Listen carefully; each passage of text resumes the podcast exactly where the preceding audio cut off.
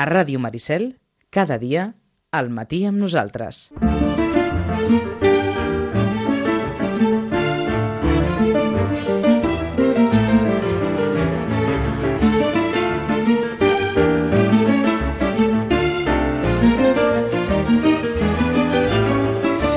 Un temps pels llibres una mica més curt en aquesta, en aquesta edició. Després hem de saludar els responsables del Consorci del Patrimoni i com que també tenim a la Rosana, no ens estranya gens ni mica, una mica refredada, perquè amb, aquests temps i aquestes temperatures que pugen i baixen i quan no és vent, és pluja bé, és la tardor, doncs, doncs ja se sap. I això que tenim a uns quants guanyadors de, de premis literaris eh, sobre la taula.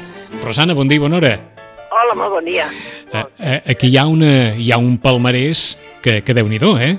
Es coneixia, es coneixia ahir el Premi Nacional de Narrativa per Cristina Morales fa uns quants dies, quan aquí estàvem per altres coses, el Premi Princesa d'Astúries de les Lletres a Siri Hasbet, una altra, vaja, recomanació de la Rosana de totes totes, el Premi Planeta 2019 per Terra Alta de Javier Cercas i el finalista per Alegria de Manuel Vilas, en el que també ha estat, diuen els especialistes, gairebé diríem com una mena d'opa hostil de planeta a Random House, perquè Javier Cercas és un home de Random House, i ara ha guanyat el Planeta, i per tant Planeta editarà la darrera novel·la de Javier Cercas. Vaja, això, això, és un, això és una càrrega de profunditat, eh? I a més a més, eh, Manuel Vilas és un home d'Alfaguara, també. Mm una altra càrrega de profunditat. Ah, exacte, perquè també pertany, és un segell que pertany a Penguin Random House. O sigui que són tots dos autors que pertanyien a la mateixa, diguéssim, grup editorial i que passen a un altre grup Mhm. editorial. Uh -huh. uh, uh, que, ets, uh, que ets mal pensada? Bé, eh, Javier Cercas ho va dir claríssimament, que, doncs, que ja li tocava guanyar un premi i, i un premi d'aquestes característiques, etc etc. No ho sé, jo és que la veritat és que quan vaig veure que, que eren ells dos mm, em va, em va sobtar, em va sobtar, perquè clar, eh, tenen tota l'obra publicada a, a, a, a Penguin, o sigui, una, uh -huh. a, a, i l'altre, i clar, mm, que ara passin a d'això, això vol dir que, que les coses no sé si aniran igual, eh? De fet, s'ha de reconèixer que el, el, el Cercas bé, mm, va començar a publicar a Tosquets, que per atzar de la vida ara Tosquets pertany al segell Planeta. Mm? Però, clar, eh, ja fa temps que es va passar a Penguin i, per tant, no, mm, això és un... Eh, no sé, no sé si quedaran bé ells dos, vull dir, dintre de la, del grup, abans direm per les edicions. Abans t'he preguntat si eres malfiada, ara t'hauria de preguntar si creus en el karma. Uh, no de creure bastant en el karma, no? Perquè, perquè escolta'm, uh, uh, per descomptat, eh? Tot i que... Sí, sí, mm, sí. Va, si, sí. hagué, si haguessis de recomanar una novel·la de Javier Cercas, seria... Uh, la velocitat de la luz. Per mi, eh? Uh -huh. Una novel·la contundent, una novel·la fantàstica, molt la veritat que dura, la va publicar Tosquets, la veritat, fa molts anys, i bé, de fet n'ha fet moltes altres, i la veritat és que mm, dic aquesta quan realment eh, Soldados de Salamina és el Premi Llibreter, però ho dic especialment perquè com que és menys coneguda, uh -huh. ¿vale? Soldados de Salamina és la novel·la que tothom coneix de, la, de, de, de Javier Cercas i la veritat és que va ser Premi Llibreter, no sé si era el segon o tercer Premi Llibreter, i, i, i és una obra molt coneguda. En canvi, aquesta de la Velocidad de la Luz a mi m'agrada moltíssim, moltíssim, i no és coneguda. Vull dir, no és tan coneguda, diguéssim, eh? I si n'haguessis si de recomanar una de Manuel Vilas? Jo, Manuel Vilas, mm, Ordesa, de totes totes. Que passa que també reconec, reconec eh, que és una obra per llegir eh, en, en pausa, perquè alguns clients m'han dit, home, és una mica espessa. Sí, és la relació amb el pare, amb, amb, diguéssim, és una obra de família i és una obra, la veritat, super ben escrita, però super ben escrita. Eh? Ja veurem I... ara això com va amb el Premi Claret, eh? sí, per, per això dic que està per veure el futur que, que ens porta, eh? Sí. Si haguessis de recomanar alguna cosa de Cristina Morales o ens haguessis de dir alguna cosa sobre la Premi Nacional de Narrativa, què seria? Eh, lectura fàcil. La lectura fàcil. És ella, és que espera, ara estava pensant que m'has enganxat així que no recordo si... Jo diria que sí. Sí, sí. Sí, eh que sí? Sí, sí. Doncs, sí, sí, sí Almenys, almenys és el que ha sonat més les darreres hores. Eh? Mm, lectura fàcil per mi, eh? Vull dir, de tota manera tampoc no he llegit massa, massa de- d'ella, però sí que realment aquest em va agradar molt. Però aquest ja va ser premi, o sigui que... Uh, bé, és un llibre que, a més a més, és curiós perquè és un d'aquells llibres que la gent et diu ni amo, ni Dios, ni partido. Mhm. Perdona? Uh, clar, el títol és lectura fàcil, però en el llibre, quan te veus el llibre físicament, el que es veu més és ni amo, ni Dios, ni marido, ni partido, ni de futbol. Eh? I clar, la gent et venia a demanar això al començament i, i pensava, què m'estan demanant? I, clar, era lectura fàcil. Doncs que sàpiguen que aquest, aquest lectura fàcil ha estat el llibre pel qual Cristina Morales ha merescut el Premi Nacional de Narrativa. Entre altres coses, és un premi que concedeix el Ministeri de Cultura i Esport, està dotat amb 20.000 euros, i el jurat n'ha valorat per tractar-se d'una proposta radical i radicalment original que no compta amb una genealogia en la literatura espanyola i que destaca per la recreació de la oralitat, uns personatges extraordinaris i la seva lectura del context polític en el qual es desenvolupa. Aquests són els criteris pels quals el jurat ha atorgat a Cristina Morales el Premi Nacional de Narrativa.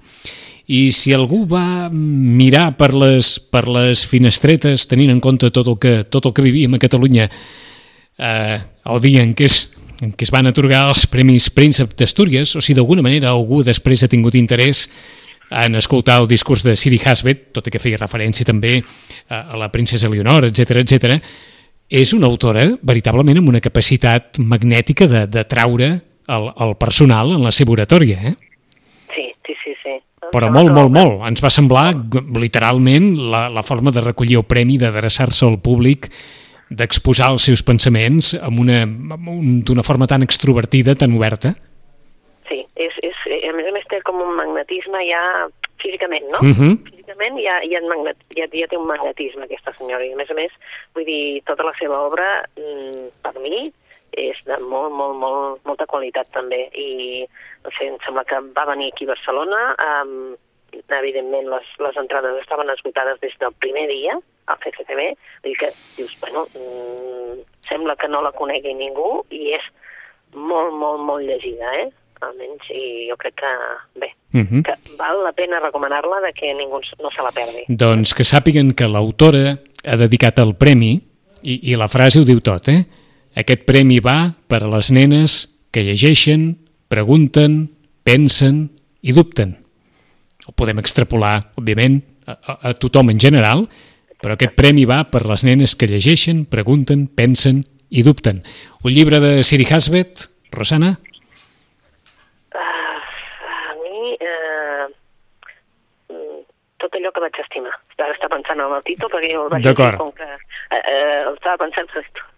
Todo cuanto amé, jo el vaig Mhm. llegir amb la primera edició que es va fer amb Circe, ara es pot trobar ja tota la seva obra amb Sex Barral, perquè és una altra autora que realment Sex Barral ha apostat per ella, i llavors de tota la seva autor, veus una altra autora que ha passat, va, es va conèixer aquí a Espanya, mm, a Espanya es va començar, a, a, en castellà diguéssim, es va començar a publicar Circe, amb uns contes també preciosos d'ella, i després la va fitxar Anagrama, perquè Anagrama era qui portava l'obra de el seu home, de Paul Auster, Mhm. i després, mm, com que van fer una OPA també els de Barral, que van agafar i van fer, diguéssim, li van enganxar la butxaca, després de la butxaca han anat els llibres i, per tant, ella també ha marxat cap a Sex Barral. Ah, eh, és, una, és una autora popular?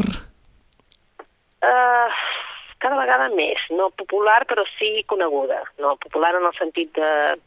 De molta venda? Mm, No. No massa, però sí com molt coneguda. És a dir, la gent que llegeix sí que la coneix. És eh, allò que llegeix literatura no tan coneguda, Sí. eh, jo crec que la coneixen, eh? I cada vegada eh, traiem l'etiqueta això de que és, saps? Eh, o sigui, el seu home és el Paul Auster. No, no ella és la dona, sinó el seu home és el Paul Auster, saps? Vull dir, és una mica això que va començar com la, la dona del Paul Auster i ara és al revés. Els que ens agrada molt ella també, eh, jo sóc molt fan també de Paul Auster, però el que ens agrada molt ella sempre diem que uh Mhm. -huh. el Paul Auster és el seu home, eh? vull dir, no, fem-ho al revés. Eh? D'acord. És, eh, clar, evidentment el Paul Auster amb Brooklyn Follies va, va arribar a un públic molt ampli, molt ampli, però no és veritablement per mi el, el real, el, poble, el Paul Auster real, i llavors això fa que ell sigui molt conegut i ella potser no tant, però jo crec que de mica en mica s'està fent un, un foradet, eh? Doncs anem a apuntar aquests, vaja, aquestes quatre novel·les que la Rosana els recomana a partir dels de premis que hem comentat. De Javier Cercas, si no l'han llegida, La velocidad de la luz. Soldados de Salamina, com deia la Rosana, és la novel·la per, per excel·lència de Javier Cercas, però si no l'han llegida, ella recomana La velocidad de la luz, del Premi Planeta 2019. De Manuel Vilas, el finalista, la or... recomana la Rosana Ordessa, novel·la intensa, novel·la que demana lectura reposada, gran novel·la. De Cristina Morales, recent guanyadora del Premi Nacional de Narrativa, la novel·la pel qual ha guanyat el premi, Lectura Fàcil. Quan, recordin que, que això aquí no hi estan massa basats, quan la Rosana ha dit lectura fàcil, eh, vostès potser hauran pensat "Ah, que vol dir que és fàcil de llegir. No, no, és que la novel·la es diu Lectura Fàcil. Lectura Fàcil, de Cristina Morales i de Siri Hasbet, tot allò que vaig estimar, Todo cuanto amé, de la guanyadora del Premi Princesa d'Astúries de les Lletres. I ara tenim 10 minuts per totes les recomanacions que hi càpiguen en aquests 10 minuts. Rosana, per on comencem? Doncs comencem per una aposta que han fet la, els editors, que en aquest moment, doncs, tots alhora, vale, han començat a publicar la Sílvia Plath. Eh? És una recuperació de la seva obra que, bé, que ens fa molt feliços. Els que som de la meva generació, la Sílvia Plath era també una icona. I eh, en quina obra? Doncs mira, a Periscopi l'ha recuperada en català, amb la campana de vidre, i el uh, Penguin, diguéssim, la literatura Random House ha publicat uh, Sílvia Plath, La campana de cristal. Tots dos alhora. Per què? Pues perquè i a mi m'agradaria saber-ho, perquè de cop i volta ha començat a tot, però bé, ella sí que és veritat que va néixer un 28 d'octubre, crec, o alguna així, però en definitiva va néixer, eh, diria que el 32, potser, més o menys, eh? eh va morir en el 63 i tenia, sí, tenia 30 anys. Rosana, si, si et descuides, l'encertes tota, eh? 27 d'octubre del 32. Doncs bé, sí, és, és que saps, és una autora que a mi em va agradar molt quan la vaig llegir. És una autora, diguéssim, que, que porta un estigma a sobre, i és que, bé, l'estigma és la seva, la seva manera de morir.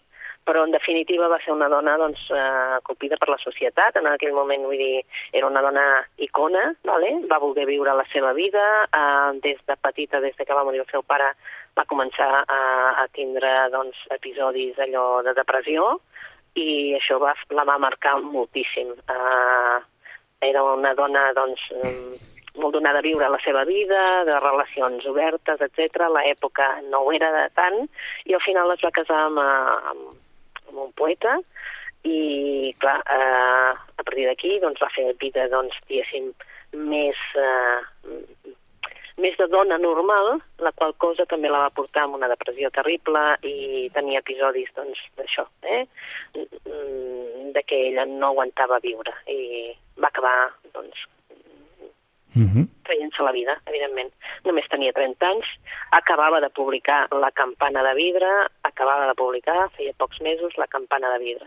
I La campana de vidre doncs, és això, doncs una noia bonica, una noia que treballa, aconsegueix treballar en una revista, en una revista de moda a Nova York, i tot sembla que, bé, que podrà marxar del seu poble, o sigui que deixarà enrere tot el seu passat, no? I complirà aquell somni de, de, de ser escriptora. Però què passa? Doncs que, clar, ha d'anar a còctels, ha d'anar... Es, es, es podeix en una societat que potser amb ella no, no li diu res, que és una societat buida, i ella és com si sempre estigués en, un, en una campana de vidre, no? que estigués allà tancada i sempre doncs, amb aquest mm, aire viciat, per dir-ho d'alguna manera. I per això el llibre es diu La campana de vidre, eh, és la més coneguda, però resulta que alhora eh, també els de Penguin han, han publicat aquells llibres petitets que posen de poesia portàtil, que també hi ha una sèrie de poemes de la Sílvia Plath, i alhora també s'ha publicat un conte que no es coneixia, que era Mary Ventura i el noveno reino, en el que aquest noveno reino eh, d'alguna manera representa, eh, ho diuen a la pila, representa potser l'amor. Eh? És un, un conte que ja havia publicat quan era jove, és a dir, mm, la mort està present sempre en, el, en la seva obra, però és una autora que qui no l'ha llegit l'hauria de tastar. Mm -hmm. Sílvia Plath, l'única sí. novel·la d'aquesta poetessa fonamentalment, La campana de vidre, una persona amb una il·lusió, però la qual la convenció social literalment l'ofegava. Exacte. Mm, bé, va ser un... tota la seva... La seva vida va ser també una mica, saps allò, difícil. Per dir d'alguna manera és difícil. Eh? Aquesta és la primera recomanació. Segona? La primera recomanació. Bé, doncs ens n'anem amb el Eric Builar, que segurament recordarem tots que, que és un, un autor que fa llibres molt curtets però molt curtets, però que eh, penses, no li sobra ni una línia.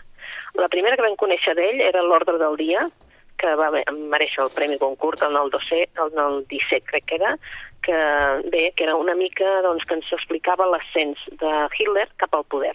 Mm? Però ens explicava res, eh? cent i pico de pàgines. Uh, després en va venir un altre, que era el 14 de juliol, que ja veieu que, que parlava uh -huh. de França, i, finalment, ens publica ara la batalla d'Occident.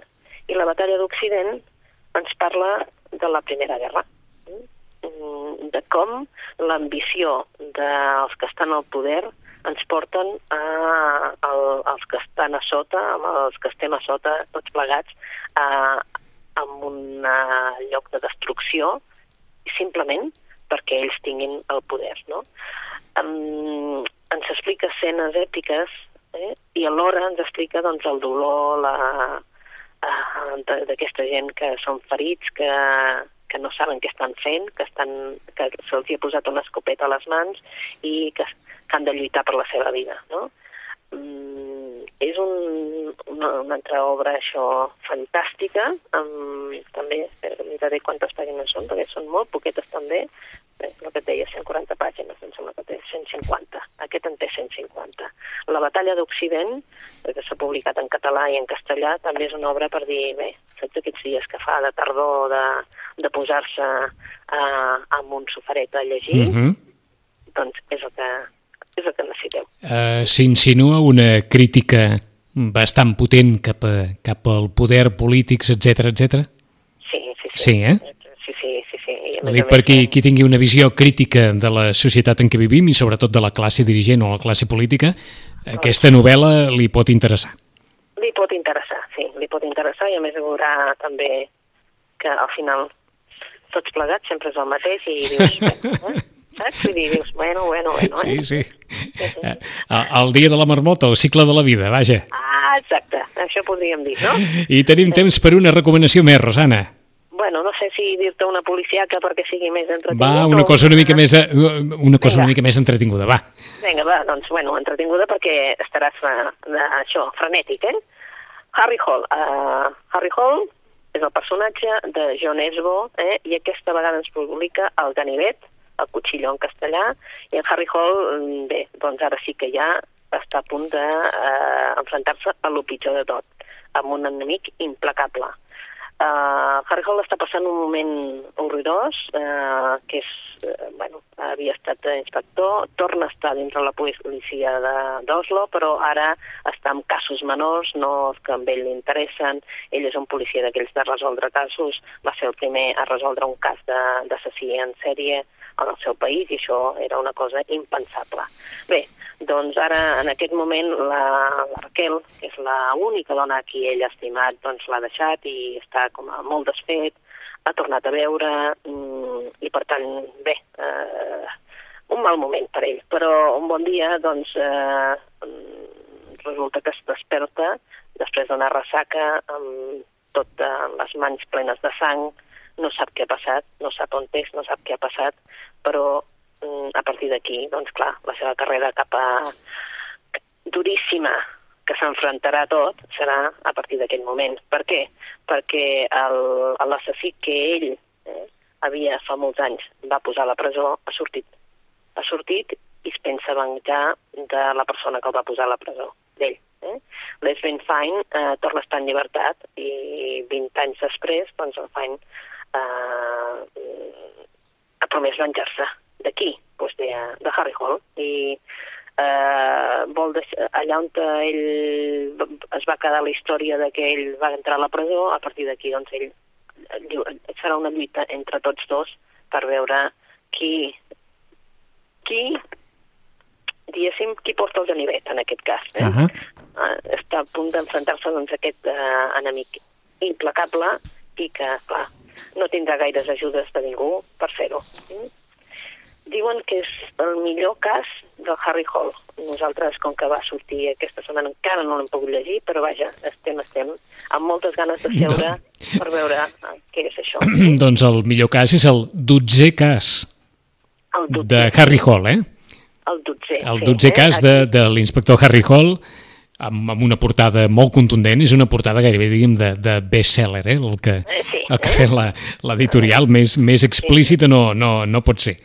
No pot ser, sí, sí, però els que van llegir un ninot de neu, eh, que em sembla que era el cinquè, aquell, que va ser un dels primers que vam tenir, com Sí. sí. que hem anat endavant i enrere, doncs, eh, perquè ens van posar el primer, eh, el ninot de neu, el ninot de neu és extraordinari, doncs, i aquest sembla ser que està en la línia d'aquell de, fer Mhm. una obra per dir ara sí que sec i no em mou d'aquí. Eh? Doncs comencem per aquest El Cuchillo de John Esbo, acabat de sortir el 12è cas de l'inspector Harry Hall, d'Eric Boilard, la batalla d'Occident a l'entorn de la Primera Guerra Mundial i com l'ambició del poder condiciona la vida de la societat, en aquest cas novel·la curta, molt curta, 150 pàgines, però carregada de reflexions i de contingut. La Rosana s'afegeix a aquesta mena de vindicació d'una autora que, que en la línia de moltes altres disciplines artístiques sempre hi ha autors i autores, diguem-ne, que, que maleïts.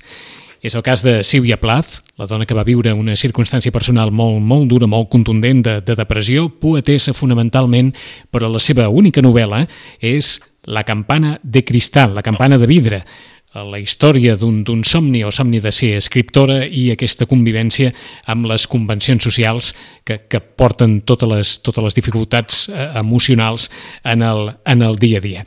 I, tornem a repetir, vinculats amb els premis dels darrers dies, de Cristina Morales, Lectura fàcil, la novel·la que li ha merescut premi, de Siri Hasbet, Premi Princesa d'Astúries de Literatura, Tot allò que vaig estimar, és la novel·la que ens recomana la Rosana Lluc, de Javier Cercas, l'home de Soldados de Salamina, guanyador del Premi Planeta amb Terra Alta, la Rosana recomana La Velocidad de la Luz, i de Manuel Vilas, el finalista de Planeta amb la novel·la Alegria, la Rosana recomana Ordessa.